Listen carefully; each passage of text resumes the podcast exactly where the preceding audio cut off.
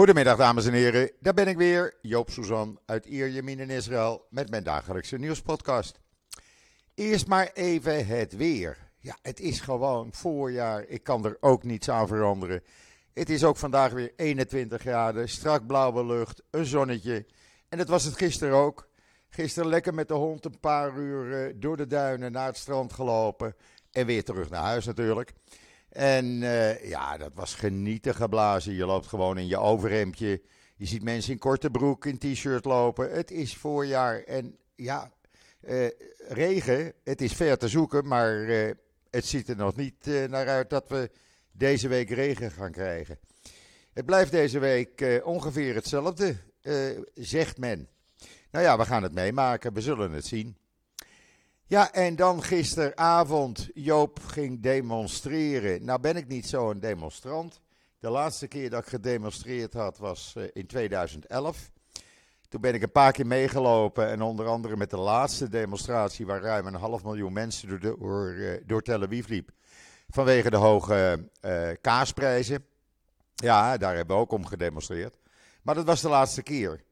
Eh, maar gisteravond ben ik toch maar naar Tel Aviv gegaan. En om de verkeersdrukte voor te zijn, eh, was ik er al om eh, kwart over vijf, half zes op dat Habima-plein. Ik had de auto bij de Karmelmarkt neergezet, 20 minuten lopen. En dan, dan kom je op dat plein en daar liggen daar vlaggen. Er liggen borden met teksten die je mee kan nemen en gebruiken. Je kon ook eh, een eh 800, 900 meter verderop lopen naar Kaplan Street. Daar eh, was de grootste demonstratie eigenlijk. Maar ik ben eh, gebleven op Habimaplein. En dan zie je dat volstromen. En dan zie je eh, Rothschild Boulevard gedeeltelijk vollopen. En dan sta je tussen allemaal gelijkgestemde mensen. En dat geeft je toch wel een apart gevoel. Mensen zijn niet, zijn niet wild. Er wordt niet gevochten. Er, worden, eh, er zijn optredens van artiesten. Er worden toespraken gehouden. En dan praat je met mensen. En dan hoor je overal hetzelfde. En dat wordt ook constant geschreeuwd. Democratie. Democratia, zoals het dan hier wordt genoemd. En dat, wordt, dat is een leus. Men wil het land terug. Men wil de democratie behouden. Men wil niet het land geven aan politici die proberen uit de lik te blijven of de boel te besodemieteren. Men is het zat. En je ziet daar rijk en arm, jong en oud, mensen in een rolstoel, mensen met krukken, mensen met een rollator. En ook jonge mensen eh, dansend en hossend en schreeuwend. En dat geeft je zo een apart gevoel als je daartussen staat. Echt. Ik ben daar een paar uur gebleven. En eh, ja, ik heb er een goed gevoel over. En ik ben van plan meer keren te gaan. Want ja, dat hoor je dan ook. We staan pas aan het begin. Zolang deze regering blijft zitten, komen er veel meer acties. De verwachting is dat er over niet al te lange tijd een algemene grote staking komt, waarbij het hele land plat gaat. Eh, men wil deze regering weg hebben. Men is het zat dat er een premier is die probeert uit de lik te blijven en daardoor wetten gaat aanpassen. Men is het zat dat ene meneer Deri de boel blazert, een pleidooi-overeenkomst tekent dat hij uit de politiek gaat en rustig weer meedoet met de verkiezingen en weer terugkomt nadat hij dus uit de lik is gebleven door die pleidooi-overeenkomst. Ja, en dat, dat geeft je toch een heel apart gevoel. En als je dan thuis komt eh, na een paar uur en je ziet de reportages uit Kaplans eh, Street. Eh, dat is die hele grote straat waar ook het eh, hoofdkwartier van het leger is. Azrieli Center voor mensen die in Israël zijn geweest. Eh, waar in totaal dan in Tel Aviv, op deze twee locaties, ruim 130.000 mensen bij elkaar kwamen. Mensen lopen van de ene locatie naar de andere. Ik zei al, het is maar 900 meter. En dan zijn er demonstraties op hetzelfde moment in Jeruzalem, in Beersheba, in Herzliya voor mensen die niet naar Tel Aviv konden komen, in Haifa, uh, Modein. Nou ja, verschillende andere plekken zijn er demonstraties. Het land is het zat. En uh, ja, ik kan me dat wel voorstellen. Uh, het moet nou maar eens een keer afgelopen zijn. En zoals David Grossman, de bekende, beroemde schrijver, zei: De nacht valt over Israël. Nu is het donkere uur. Want hij hield een hele, hele indrukwekkende toespraak, kan ik uh, zeggen. Uh, het uur van de, uh, van de duisternis, zoals hij het noemde. Want, zei David Grossman, steeds vaker ontmoet ik mensen, vooral jongeren, die hier niet willen blijven wonen. Die, die het gevoel hebben dat wat hier gebeurt hen vreemd is en hen met geweld tot vreemdeling in hun eigen land maakt. Uh, Israël zoals het nu is, zei David Grossman, is niet langer hun thuis. En om het gevoel van vervreemding te voorkomen gaan ze in een soort interne ballingschap. Ik begrijp dit gevoel, maar het doet me ook pijn, zei Grossman. De staat Israël is immers opgericht zodat er één plek op de wereld zou zijn waar de Joodse mens, het Joodse volk, zich thuis zou voelen. Maar als zoveel Israëli's zich vreemdeling voelen in hun eigen land, dan gaat er duidelijk iets mis. In zijn 75ste jaar, zei Grossman, voert Israël een noodlottige strijd om zijn karakter, om het gezicht van zijn democratie, om de status van de rechtsstaat en om de mensenrechten. Onze strijd hier is een strijd tegen wetten die bedoeld zijn om racisme en discriminatie te institutionaliseren, om minderheden te vernederen, een strijd tegen cynische politici, waarvan sommigen corrupt zijn, aldus Grossman, die vastbesloten zijn om gerechtigheid opnieuw te definiëren in een eenzijdige, antidemocratische machtsgreep. Ja, Grossman was hier, hier heel duidelijk. Er zijn hier vertegenwoordigers, zei Grossman, van veel instanties en organisaties die normaal gesproken niet bij het protest betrokken zijn. Maar ze zijn gekomen. En ze zijn ook, net als bij eerdere protesten, uitgesproken rechtse mensen. Als deze bereid zijn vandaag hun schema om, om opzij te zetten, om zich te scharen rond deze belangrijke situatie, dan is er sprake van een kritieke noodsituatie. Als de status van de rechtsstaat ernstig wordt geschaad, zullen andere, alle andere belangrijke gevechten geleidelijk afbrokkelen. Ik weiger een bandeling te zijn in mijn eigen land, zei Gosman. Nu is het uur van de duisternis. Dit is het moment om op te staan en uit te roepen: Dit land zit in onze zielen. Wat er vandaag gebeurt in Israël zal bepalen wat het zal zijn en wie wij en onze kinderen zullen worden. Want als Israël anders wordt en ver verwijderd zal zijn van de hoop en visie die het schiep, God verhoede het, zal het in zekere zin ophouden te bestaan. Aldus Grossman. En hebben wij geen plek meer om te leven. Dit was zo'n indrukwekkende toespraak van David Grossman. Ik moet zeggen, het is altijd al een van mijn meest uh, favoriete schrijvers geweest. En deze man dan te horen spreken op een demonstratie. De man die nooit op een demonstratie komt. Ja, dat is, dat is bijzonder. Uh, mensen met wie er gesproken werd. Uh, ja, kranten gingen mensen interviewen. Niet alleen ik deed dat. Er was een vrouw, Shelina, in de dertig die zei tegen de Jeruzalem Post: Wij zijn bang voor onze democratie. Dan was er. Uh, uh, even kijken, wie hadden we nog meer? De Movement for Quality Government. Die zei: Er is één man die terecht staat en hij is bang voor de gevangenis en hij wil daar niet heen. Dat is duidelijk. Dat is het belangrijkste doel van de inspanningen van de regering om de hervormingen door te voeren.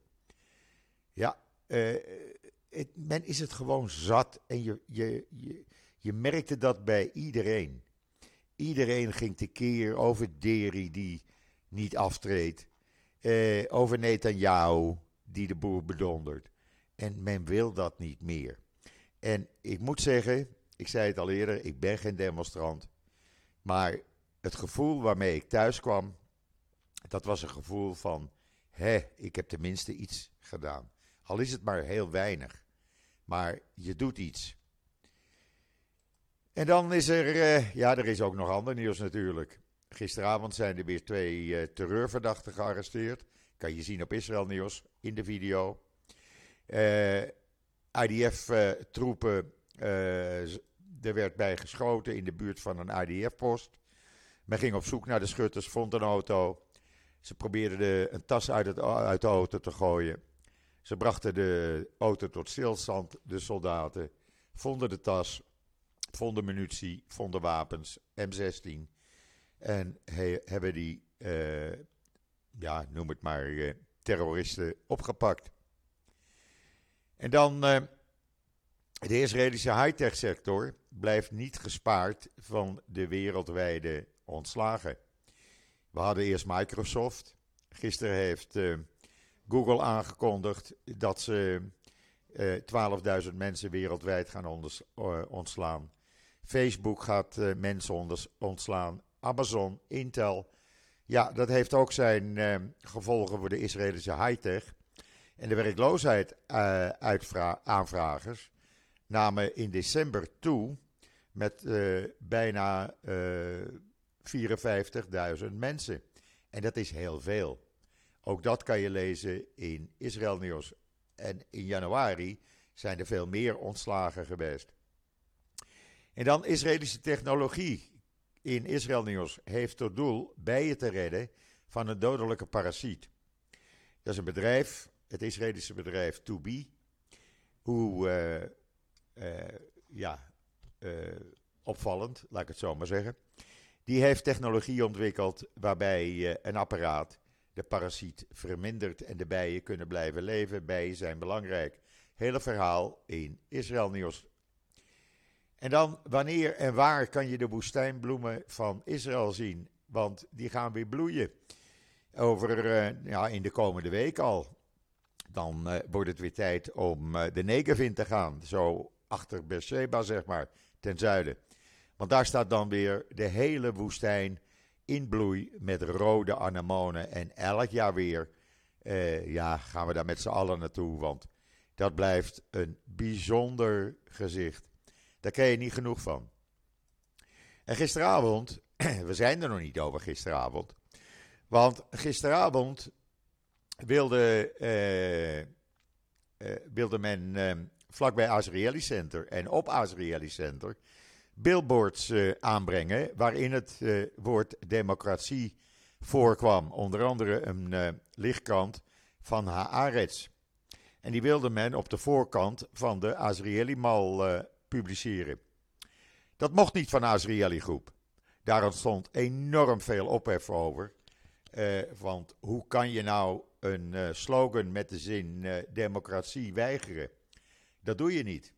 En de slogan was: Democratie eindigt niet bij verkiezingen op een blauwe achtergrond. De eh, publieke ophef werd zo groot dat uiteindelijk Azrieli eh, op zijn beslissing terugkwam. En eh, eh, met een excuus van: we zijn altijd voorzichtig om in het bedrijfsleven te opereren zonder partij te kiezen in politieke kwesties. Nou ja, uiteindelijk hebben ze die lichtkrant toegestaan.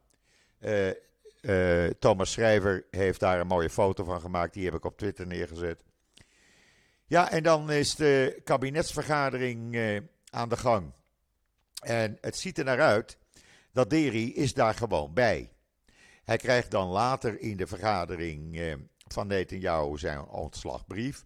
Maar men probeert hem toch erbij te houden, want men heeft iets verzonnen. Weet je wat? Je mag dan maar geen minister meer zijn. Uh, en dan kom je natuurlijk in die Knesset terecht. Maar we willen jou graag bij uh, de vergaderingen hebben. Weet je wat? We gaan je tot waarnemer benoemen. Hoe vind je die? Nou ja, dat kan natuurlijk helemaal niet. Als je ontslagen moet worden, dan moet je ontslagen worden. Ik, kan, ik word ook niet uitgenodigd als waarnemer. Meneer Deri is niks meer dan ik ben. Dus meneer Deri hoeft er niet bij te zijn. En dan is er nog een relletje aan de gang. Afgelopen vrijdag heeft de IDF laten zien wie de baas is. Men heeft die illegale uh, uh, nederzetting ontruimd, die donderdagavond was neergezet, vijf teentjes. En dat was zeer tegen de wil van meneer Ben-Gvir, de minister van Nationale Veiligheid, en de extreemrechtse meneer Smotrich, minister van Financiën, die ook minister van Defensie voor de Westbank is. Nou, de minister van Defensie heeft laten zien wie de baas is. Vrijdag is die nederzetting ontruimd. Dat, uh, daar heeft men de pest over in. De beide heren wonen niet de kabinetsvergadering bij, uit protest. En meneer Benkwier eist nu de evacuatie van een illegale Bedouinenpost ergens op de westelijke Jordaanoever, die daar al jaren is. Maar goed, die moet nu ook weg. Nou, ik denk niet dat het leger dat gaat doen.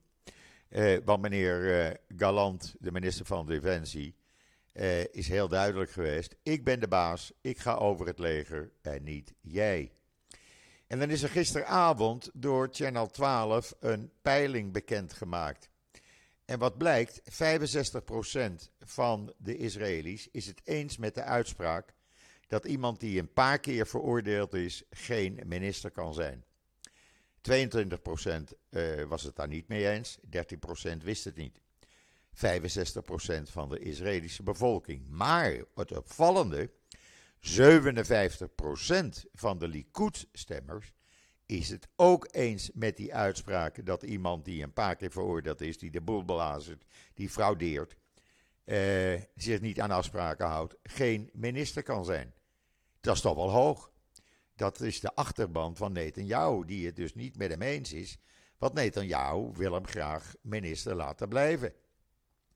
En wat blijkt ook, 42% van de uh, religieus sionistische kiezers, die dus achter meneer Smotrich staan, die uh, zijn het niet met Smotrich eens, maar met de uitspraak: een minister die de boel belazert kan geen minister zijn. Uh, ja, dat is wel hoog, moet ik zeggen. en dan een duidelijke meerderheid van de Shas-kiezers. Ja, 40 procent die vindt dat die weg moet. Dat zijn toch percentages waarvan je zegt: hé, hey, kom eens even op. Weg jij. Gewoon, jij kan geen minister, maar kan zijn. Maar, schrijft David Horowitz heel juist. die heeft een heel goede op-ed in de Times of Israel geschreven. Die zegt: Tragisch genoeg zal Deri's grote revolutie doorgaan zelfs als hij de rechtbank niet kan omzeilen. Want de grote leider van Chas belooft te blijven pleiten voor de arme echolons. Maar hij en zijn ultra-orthodoxe collega's doen het tegenovergestelde. Met rampzalige gevolgen, wat Netanyahu maar al te goed weet. En zo is het gewoon. Even een slokje water. Waarom kunnen er geen normale mensen in de politiek? Waarom moeten het altijd oplichters zijn? Waarom moeten het mensen zijn die de boel besodemieteren? Kan dat nu niet eens een keer anders? Als je dat op leest van uh, David uh, Horowitz, dan wordt veel duidelijk. Ik raad het iedereen aan. Het staat in uh, The Times of Israel, waar ook staat dat de Likud-Knesset-leden kwaad zijn over berichten dat de procureur-generaal Netanyahu zou kunnen bevelen om af te treden de komende dagen.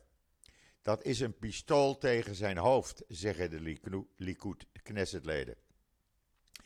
Want zij overweegt uh, die stap uh, om, uh, ja, het is een belangenverstrengeling waar Netanyahu bij betrokken is. hij is Anders raakt hij betrokken bij zaken die van invloed kunnen zijn op zijn lopende strafproces wegens corruptie. Ze, ze, bestuderen nu een beslissing uit 2021 van het Hoge Rechtshof. Die oordeelde dat alleen de procureur-generaal de, bevoegdheid heeft om een dergelijke oproep te doen. En volgens Channel 12 staat zij op het punt die beslissing, een ongekende beslissing, te nemen. Uh, want ja, als Netanyahu doorgaat en die wetten uh, helpt mee te veranderen, dan is dat ook in zijn voordeel. Want er komt ook een wet bij waarbij hij dan gevrijwaard wordt van verdere strafvervolging. Nou, dat kan gewoon niet. Dus we zijn er nog lang niet. En ook uit Amerika komen berichten. Eh, ja, uh, de Joodse steun voor uh, de Amerikaans-Joodse steun voor Israël zou wel eens ernstig kunnen afnemen als Israël blijft knoeien met zijn democratie. Dat zei het hoofd van de ADL, Foxman. Want dat kan gewoon niet. De Anti-Defamation League, dat is de grootste Joodse organisatie in in Amerika. En die zegt als het zo doorgaat uh, en men uh, maakt, neemt een loopje met de democratie, ja, dan zal de steun voor Israël afnemen vanuit Amerika. ja, daar mag je toch wel eens rekening mee houden, vind ik dan, als je politiek bedrijft hier. En waar je ook rekening mee moet houden, er verschijnen steeds meer berichten dat de politieke onrust in Israël investeerders gaat afschrikken. Uh, het zou kunnen zijn dat uh, investeerders hun investeringen stoppen in Israël uh, en zich terugtrekken. Wat grote financiële gevolgen heeft voor Israël. voor het bedrijfsleven, want die kunnen niet zonder buitenlandse investeerders. Neem vooral de high-tech bijvoorbeeld. Die hebben dat al aan Netanyahu laten weten. Maar ja, eh, er zijn meer bedrijven, uh, start-ups, die kunnen niet zonder buitenlandse investeerders. En als die zich terugtrekken, dan ligt alles hier op zijn gat. En dat moet gewoon uh, voorkomen worden, dat moet stoppen. En zo komen er steeds meer berichten waarvan je best mag zeggen: jongens, waar zijn ze mee bezig? Ze denken niet aan het land, ze denken aan hunzelf. En hebben maling aan uh, het land Israël en zijn inwoners. En dan heeft meneer Ben Gvir, de twee terroristen die na 40 jaar gevangenisstraf werden vrijgelaten, na twee dagen alweer laten oppakken en een hele dag vastgehouden. Want ze zouden uh, mensen hebben opgeruid. Nou, er is helemaal geen bewijs voor gevonden. Het is alleen maar pesten van Ben Gvir, denk ik. En na een aantal uren zijn ze weer vrijgelaten. En Benkwier kreeg een rapport hierover van de politie. En dan is er een tweede ambassadeur, uh, heeft zijn ontslag ingediend. Uh, uit protest tegen het beleid van de regering Netanyahu. En deze keer is het de ambassadeur van Israël in Canada, Ronan Hofman. Hij heeft vandaag bekendgemaakt dat hij aftreedt met onmiddellijke ingang. Hij treedt in de voetsporen van de Israëlische ambassadeur in Frankrijk. Die heeft dat op dezelfde manier gedaan. En uh, ja, zij hebben geen zin om onder Netanyahu uh, zijn politiek te verdedigen. Uh, even wat anders. De terroristjes of terroristen worden steeds jonger. Er was nu een 13-jarige die door de IDF is gearresteerd. Met een groot mes in zijn zakken. En die was van plan uh, één of meer mensen neer te steken. Ze worden steeds jonger, jonger. De ouderen zijn zeker uitverkocht. En dan even wat anders. Ik had gehoopt dat het met een nieuwe correspondent van de NOS hier beter zou gaan. Maar als ik dan het verslag van haar lees, vanmorgen bij de NOS, waarbij gewoon onjuistheden worden vermeld, dan denk ik, jongens, waar zijn jullie in vredesnaam mee bezig? Je hebt je verantwoording om juiste informatie te geven. En dan moet je niet spreken van er waren ongeveer 100.000 mensen. En dan moet je niet spreken dat het Hoge Rechtshof aan de kant wordt gezet. De macht van de Hoge Rechtshof wordt uh, beperkt. Dan moet je niet schrijven van dat het Hoge Rechtshof geen wetten van de Knesset meer kan beoordelen. Jawel, dat kan het Hoge Rechtshof wel. Alleen de Knesset kan met 61 stemmen voor gewoon zeggen: Hoge Rechtshof, als jij een wet afkeurt, keuren wij hem weer goed. Ze geven voortdurend foutieve informatie bij de NOS. En dat vind ik jammer. Ik heb die dame, ik ben haar naam al vergeten, sorry, neemt het me niet kwalijk. Ik heb die dame uh, één keer ontmoet in oktober toen Rutte hier was. Ik heb met haar gesproken. Ik heb tegen haar gezegd: uh, Hier is mijn telefoonnummer. Bel me. Dan kunnen we even een kop koffie drinken. Kan ik, kan ik je wat info uh, meegeven? Dan moet je zelf maar kijken wat je ermee doet. Nou, ze, ze schijnt hier nu drie weken te zijn. Ik heb nog geen telefoontje van de gehad. Dus die foute informatie bij de NOS zal wel door blijven gaan. En dan ook een positief nieuws. Ja, want strakjes om half vier Israëlische tijd, half drie bij jullie in Nederland, gaat Joop lekker rechtstreeks Feyenoord Ajax zien. Jawel, op mijn sportkanaal wordt dat gewoon recht, rechtstreeks uitgezonden. Weliswaar met uh, uh, verslag in het uh, Hebreeuws. Er zitten twee verslaggevers. Maar Joop kan gewoon lekker gaan genieten. Wat wil je nou nog meer? En dat is toch het leukste wat er is. Dat de wereld zo klein is dat je gewoon op hetzelfde moment kijkt. Het is toch altijd een klassieker. Het is een belangrijke wedstrijd. En ik ben blij dat ik hem uh, kan zien. Goed, dat bracht mij uh, tot het einde van deze podcast. Jullie zijn weer helemaal op de hoogte van mijn belevenissen. Ik wens iedereen nog een fijne voortzetting van deze zondag de 22 januari alweer. Maak er wat van. Ik weet dat het weer in Nederland niet zo lekker is als hier, maar probeer er toch wel iets moois van te maken. Ik hoor van een heleboel mensen uh, dat ze fout daar dit weekend uitzien. Ik heb één aflevering gezien. Ik ga elke avond één aflevering zien. En ik moet zeggen, ik vind hem fantastisch. Ik vind hem spannender als uh, de serie 3 en serie 2. En het is, zover ik uh, kan beoordelen, op waarheid gebaseerd. Dus geniet van Fauda, deel, serie 4 op Netflix. Nogmaals, een hele fijne voortzetting van deze zondag. Ik ben er morgen weer en zeg zoals altijd: tot ziens, tot morgen.